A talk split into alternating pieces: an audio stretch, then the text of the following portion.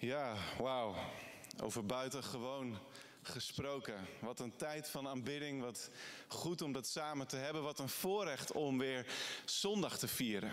En ik denk dat iedere zondag, iedere eerste dag van de week, iedere opstandingsdag is een feestje waard. In de gewone omstandigheden betekende dat meestal dat je uh, naar Gods huis ging, naar de kerk, om daar samen met anderen God te zoeken, Jezus te vieren en de Heilige Geest te ervaren.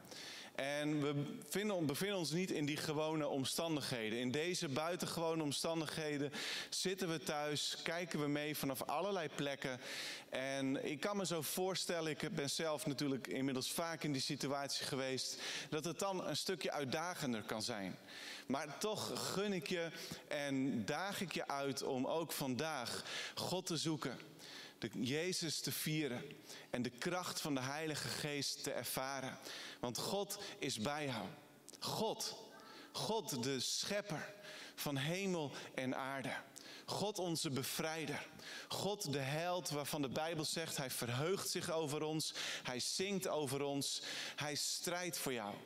Die God is met jou vandaag. En we gaan het vandaag weer hebben over leven als nooit tevoren. En dat zijn woorden die heel veel verschillende dingen voor mij betekenen. En onder andere betekent het voor mij dat ik dingen ga leren die ik nog niet wist. Nieuwe zaken komen aan het licht. En dat kunnen soms best wel dingen zijn die in eerste instantie moeilijk of spannend aanvoelen, die zelfs onwaarschijnlijk lijken. Eén daarvan is de realiteit dat er meer is tussen hemel en aarde.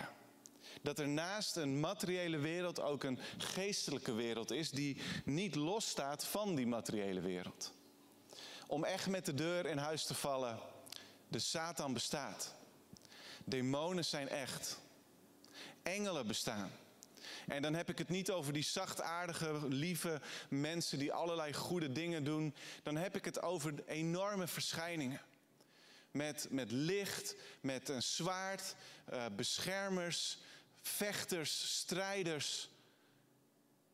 Wezens bij even een gebrek aan beter woord, waar je van onder de indruk bent, waar de een naar de andere bijbelse persoon voor neervalt. Die engelen, die bestaan. De Bijbel spreekt heel veel over deze realiteit en dat kan soms beangstigend zijn. Het past ook niet in ons moderne, rationele wereldbeeld waar we allemaal sterk door beïnvloed zijn. En door die invloed bevinden mensen zich vandaag de dag ook binnen de kerk vaak op twee uitersten van het spectrum. Er zijn mensen die achter iedere tegenslag, iedere moeite een demon zien. Zie je wel, de Satan is aan het werk. Ik heb die toets niet gehaald door de duivel. Eh, terwijl ze misschien ook naar zichzelf moeten kijken en moeten toegeven: ik heb niet zo hard geleerd als ik had gemoeten. Dat soort mensen. Je hebt ook mensen die dus helemaal aan de andere kant van het spectrum zitten. En dat zijn de mensen die zeggen van ja, weet je, die geestelijke wereld, um, ja, dat, dat weet ik niet zo goed en uh, dat lijkt me ook niet zo heel echt. En zo ja, als het bestaat, dan heb ik het er maar niet te veel over. Want hoe minder ik het erover heb, hoe minder het mij raakt. Toch? En ik denk dat er vandaag de dag veel meer mensen aan die kant van het spectrum zitten. Door de invloed van ons wereldbeeld. Vandaag wil ik het met jullie hebben over die geestelijke wereld. En ik kan maar een klein deel behandelen van wat de Bijbel er allemaal over zegt. Maar we zullen in, dit, in, in elk geval dit ontdekken. Het buitengewone maakt deel uit van het gewone leven van een gelovige. Het hoort erbij. We kunnen er niet omheen. Het bovennatuurlijke is net zo reëel als het natuurlijke. De geestelijke wereld raakt onze materiële wereld. We kunnen ze niet los van elkaar zien. Met andere woorden, en jullie kunnen dat meelezen. Wat we zien is niet alles wat er is. Wat we zien is niet alles wat er is. Gisteren wandelden we met ons gezin, uh, met een uh, zus van Eva en haar man. En ze hebben een zoontje van bijna een half jaar. En we liepen onder bomen door. En mijn zwager die zei, weet je, het leuke is van zo'n kind... hij kijkt vanuit de kinderwagen omhoog. Hij bestudeert al die takken en blaadjes, vindt het heel interessant. En ik kijk ook weer meer omhoog. En ik denk, wauw, wat is dat toch bijzonder. Die, die takken en de structuren en de kleuren... En ik herken dat heel erg met, met onze kinderen. Je gaat weer kijken naar de kleine bloemetjes, de beestjes, de steentjes. En je ziet hoe mooi dat allemaal is. Je ziet die, die prachtige wereld die we kunnen waarnemen met onze zintuigen. Maar er is meer dan dat. Er is meer dan wat we kunnen waarnemen met zien en met ruiken en met horen, met voelen. Bijvoorbeeld in Daniel 10 daar, daar lezen we het volgende. Leest u mee. Toen zei hij, een gigantische engel, wees niet bang Daniel. Want vanaf de eerste dag dat je inzicht probeerde te krijgen door in demoed te buigen voor God, is je gebed verhoord. En daarom ben ik gekomen. Maar de vorst van het Persische koninkrijk heeft mij 21 dagen tegengehouden voordat Michael een van de voornaamste vorsten, mij te hulp schoot toen ik daar bij de koningen van Perzië zo alleen stond. Daniel gaat op een gegeven moment in gebed. Hij rouwt over de zonde van zijn volk, over de situatie van zijn volk in ballingschap. En drie volle weken is hij zo aan het rouwen, aan het vasten. En dan verschijnt er een machtige engel die hem een boodschap van God doorgeeft. En die boodschap is razend interessant. Daar gaat het me nu even niet om. Maar we zien ineens allerlei zaken over de geestelijke wereld. We krijgen hier een inkijkje. Vanaf het moment dat Daniel begon te bidden, zag en hoorde God hem. Wauw. Hij stuurde ook meteen een engel om hem iets te gaan vertellen, hem te bemoedigen, iets over de toekomst mee te geven. Alleen die engel die werd tegengehouden. Hij kon niet sneller bij Daniel zijn vanwege de vorst van Perzië. Zomaar leren we dus van alles. Het lijkt erop, hier en op andere plekken, dat demonische machten soms verbonden zijn met een volk of met een bepaald gebied. Engelen en demonen voeren ook een hele reële strijd met elkaar. Michael, die we ook in het Nieuwe Testament tegenkomen, is een van de voornaamste vorsten onder die engelen. Dus blijkbaar is er sprake van een rangorde en is de ene engel sterker dan de ander. Er ontvouwt zich een strijdtoneel met legers, rangen en standen en bittere veldslagen voor onze ogen. En Paulus die zegt dat zo in het Nieuwe Testament, Efeziërs 6, vers 12. Onze strijd is niet gericht tegen mensen maar tegen hemelse vorsten, de heersers en machthebbers van de duisternis, tegen de kwade geesten in de hemelsferen. Hij ziet achter de tegenstand tegen de gemeente geestelijke machten die strijd leveren tegen de kerk, tegen gelovigen. En we hoeven niet achter iedere tegenslag of moeite een demon te zien. Dat zou ons al te gemakkelijk ontslaan van onze menselijke verantwoordelijkheid. Maar ik ben me er sterk van bewust dat we te maken hebben met een tegenstander die tegenslagen en moeite en beproevingen teweeg brengt. Hij is uit op ons ongeluk. Hij zoekt om dingen kapot te maken, te vernielen. Hij is gebaat bij een zwakke kerk. En de kerk is al zwakker wanneer het besef van de geestelijke wereld ontbreekt. Wat we zien is niet alles wat er is. We staan midden in een geestelijke strijd. En lees maar mee. Hoe we de strijd ingaan, maakt al het verschil.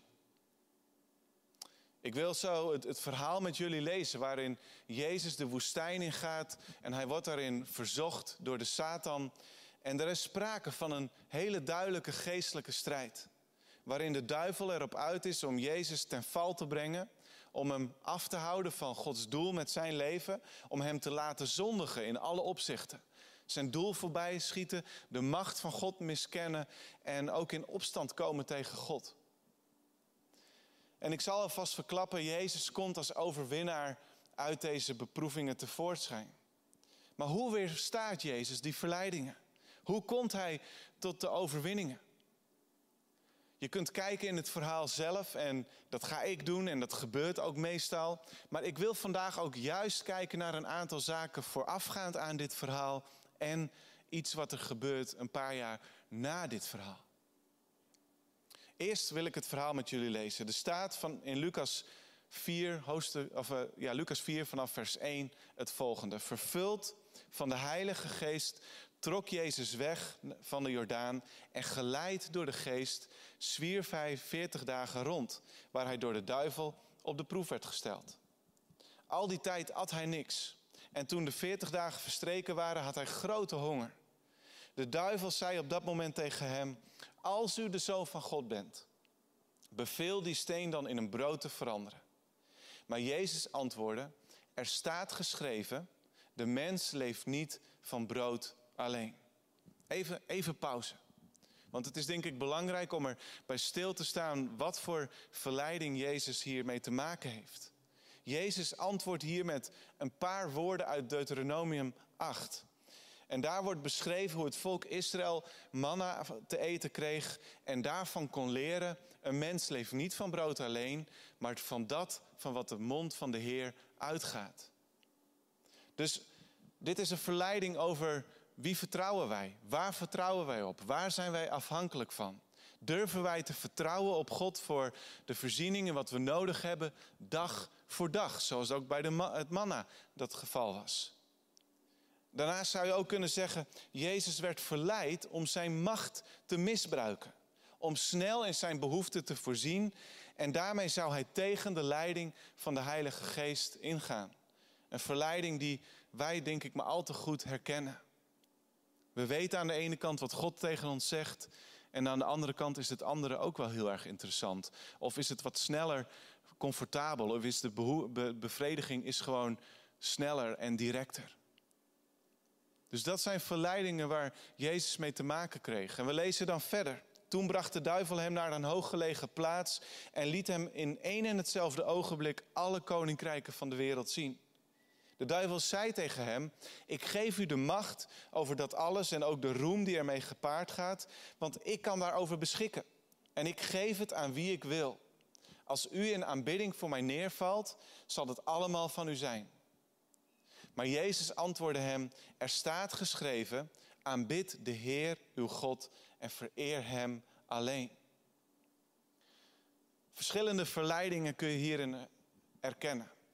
De verleiding van trots. Hoe kan ik snel hoger opkomen? Wat vergroot mijn aanzien bij mensen? Zien ze me wel? Het is ook de verleiding van aanbidding. Waar gaat jouw aanbidding naartoe? Wie of wat staat op de eerste plaats? En het is niet zo heel erg moeilijk om aan iets of anders dan God meer tijd, meer energie, meer geld te besteden.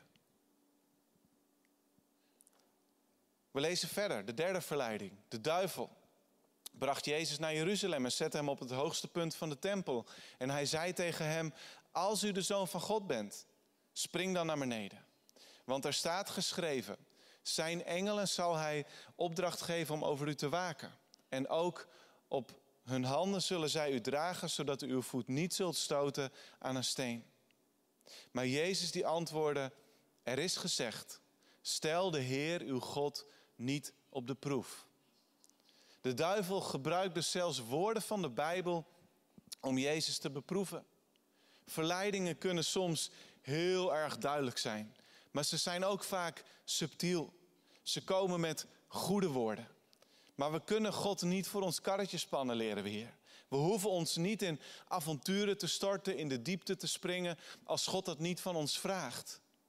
De tekst die Jezus aanhaalt, die verwijst ook in Deuteronomium naar de gebeurtenissen bij Massa. Massa en Merida. Daar waar het volk Israël tegen God in opstand kwam en eigenlijk de vraag aan God stelde: Heer, eh, bent u nou bij ons of niet? En we hoeven Gods aanwezigheid, maakt Jezus duidelijk, niet te bewijzen door roekeloos te handelen en dan zijn ingrijpen uit te lokken. God is er. En dan eindigt dit verhaal als volgt. Toen de duivel Jezus aan al deze beproevingen had onderworpen, ging hij voor een tijd bij hem vandaan. In dit verhaal wordt opnieuw duidelijk. Wat we zien voor ogen direct is niet alles wat er is. We hebben te maken met dezelfde geestelijke strijd als waar Jezus mee te maken heeft. Het is meestal niet zo zichtbaar dat de duivel in hoogste eigen persoon bij je langskomt, maar het is net zo reëel, net zo verleidelijk. Met net zulke gemene listen en methodes en streken, afleidingen, misleidingen. We kunnen ervan uitgaan dat de duivel ons onderwerpt aan dezelfde beproevingen als bij Jezus. En dat we er ook doorheen kunnen komen, net als Jezus. Geestelijke strijd maakt deel uit van het gewone leven. En is helaas misschien, maar het is niet buitengewoon. Hoe we de strijd ingaan, ik zei het al, maakt al het verschil. En hoe ging Jezus de strijd in? Allereerst, bestudeer de Bijbel. Zonder Gods woord ben je sprakeloos.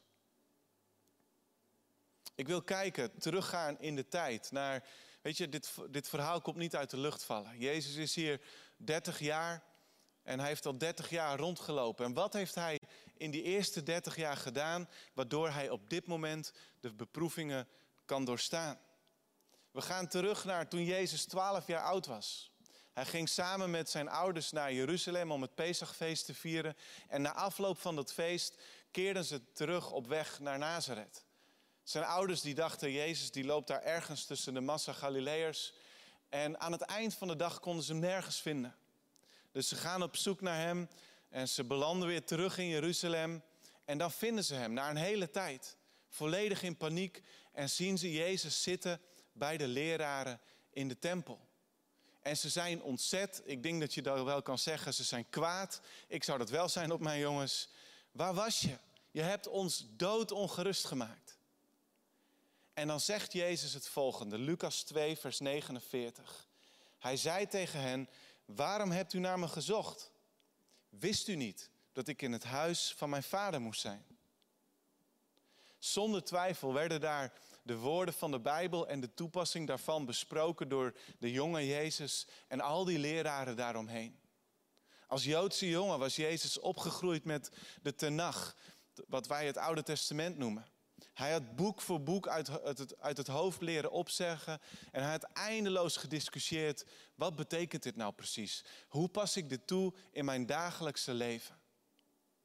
En ik vertel dat omdat we misschien geneigd zijn om te denken dat alleen Jezus op deze manier de beproeving kon weerstaan. Omdat misschien bij Jezus op een soort bovennatuurlijke wijze, bovenaf, die woorden op het juiste moment in zijn geest kwamen en dat hij dat kon uitspreken. Maar zo werkt het niet.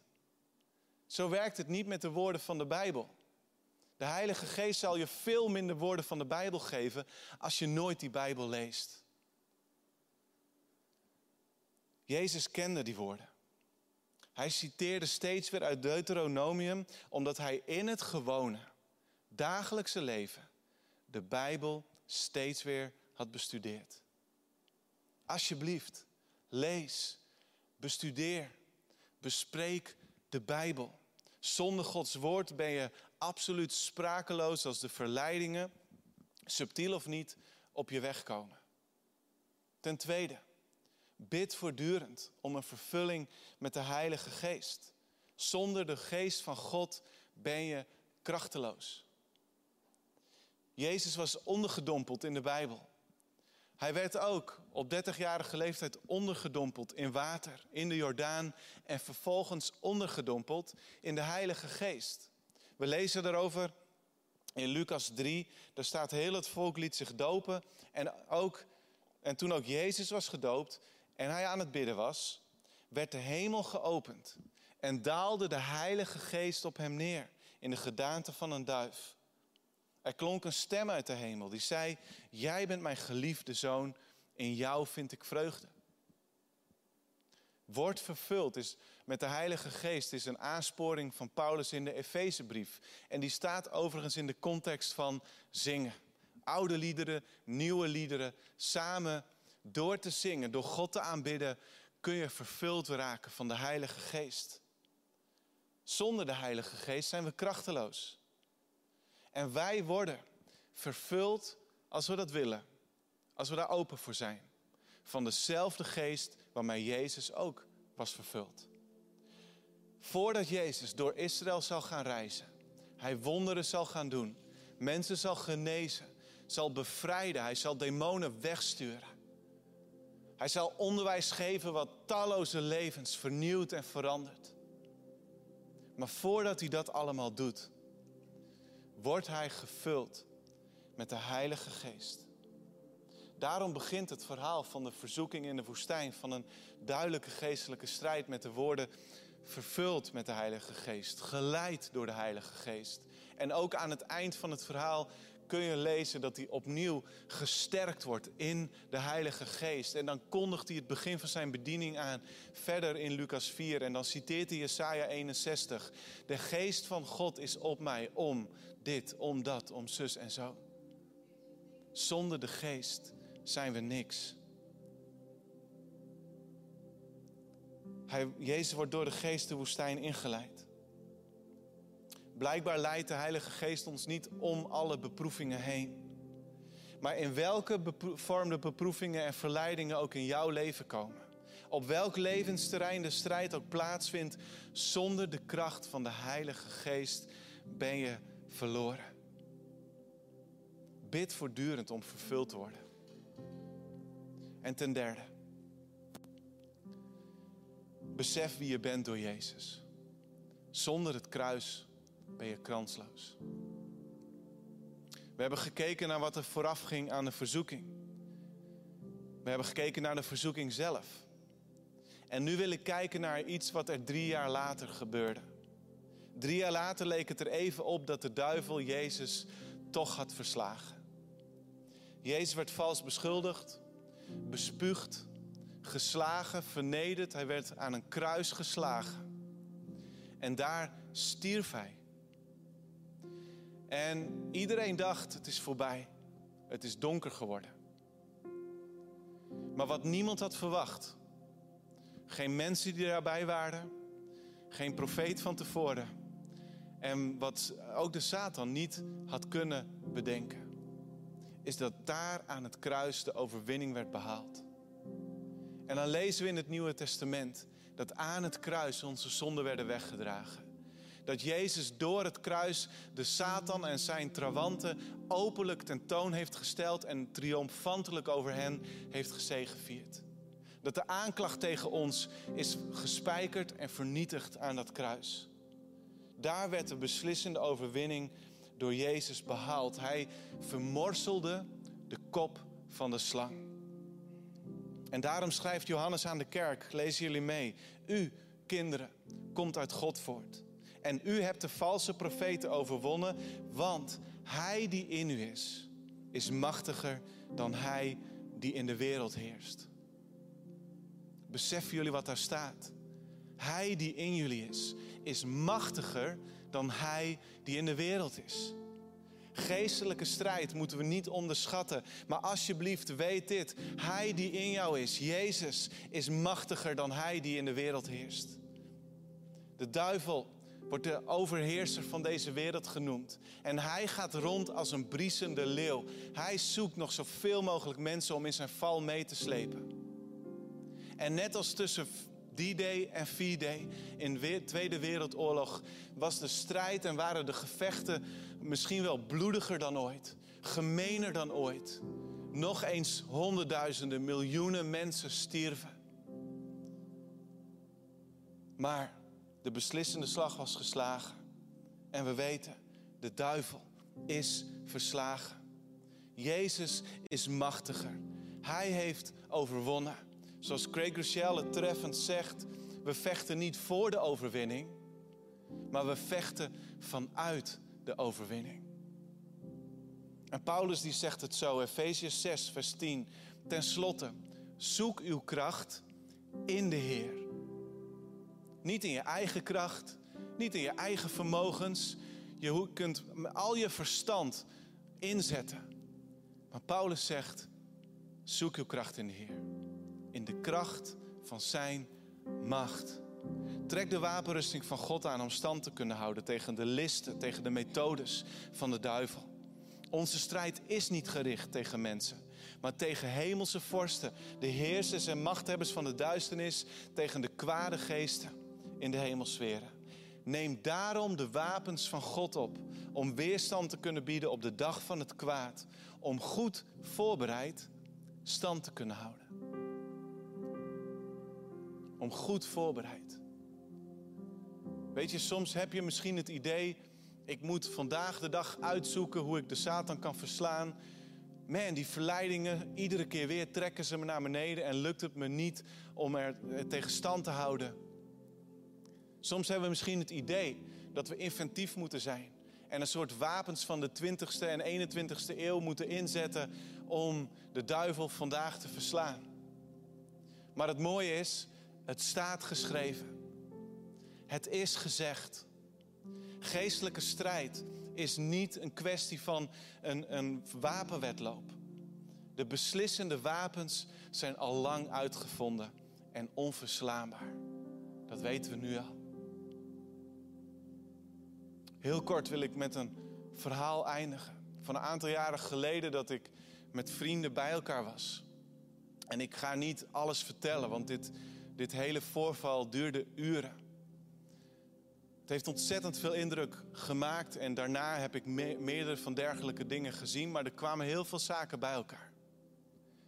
Ik zag de verwoestende kracht van demonen, die vrienden van mij letterlijk kapot wilden maken, om het leven wilden brengen. Ik zag jonge mensen bijna bezwijken. Ik zag ook hoe God tot mij als een tiener sprak en woorden zei: Dit is wat er gebeurt. Dit is wat er aan de hand is. Vertel dat aan de anderen. Bid gericht. Spreek de Satan aan. En we zagen hoe door de kracht van vergeving, door de kracht van Bijbelteksten die God ons te binnen bracht, door woorden van Jezus, de Satan en demonen moesten wijken. Ze waren een tegenstander die tekeer ging. Ik ben echt even bang geweest. En tegelijkertijd tilde God mij er bovenuit. En bleven we staande, niet in onze eigen kracht, maar in de kracht van Zijn macht. De wapens zijn er. Zoals Jezus werd, staande bleef, zo mogen wij ook staande blijven. Bestudeer de Bijbel. Bid voortdurend om een vervulling met de Heilige Geest. En besef wie je bent in Jezus. Een kind van God. En Paulus zegt daarvan, weet je, er is een strijd in die hemelsferen. Maar als gelovige in Jezus ben je samen met God gezeten bovenaan die hemelsferen. Boven al die machten en krachten en overheden. En al die methodes zijn niet bestand tegen zijn kracht.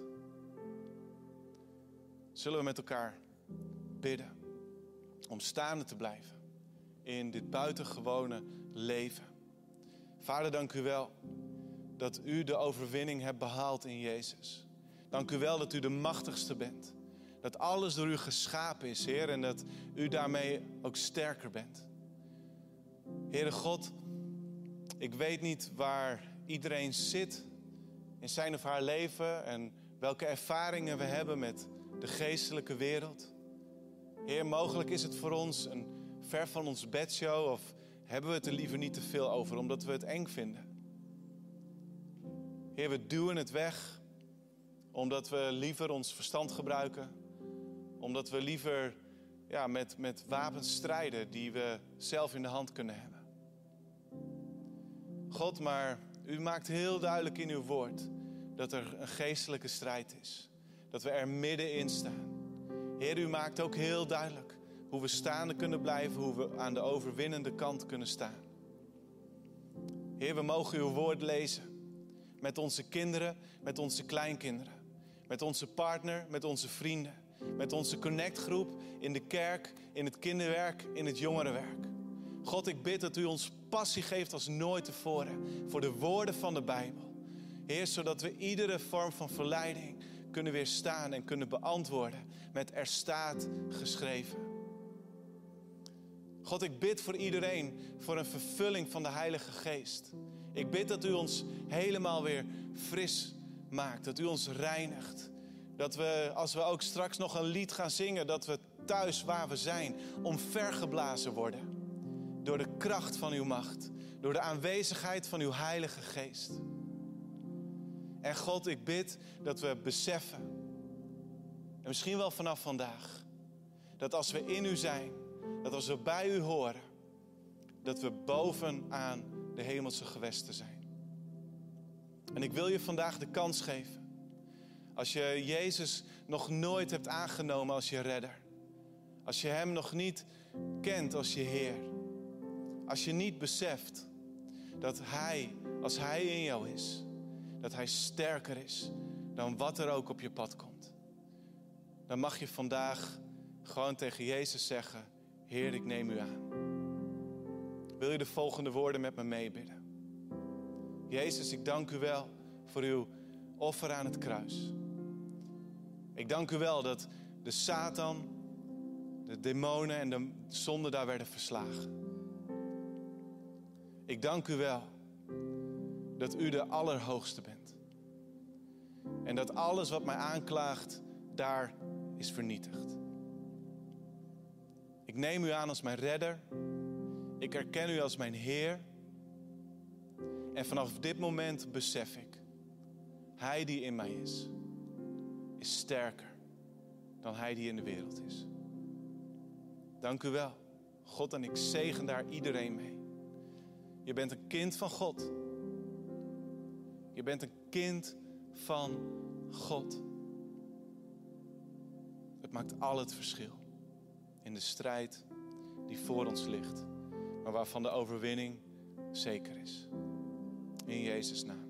Amen.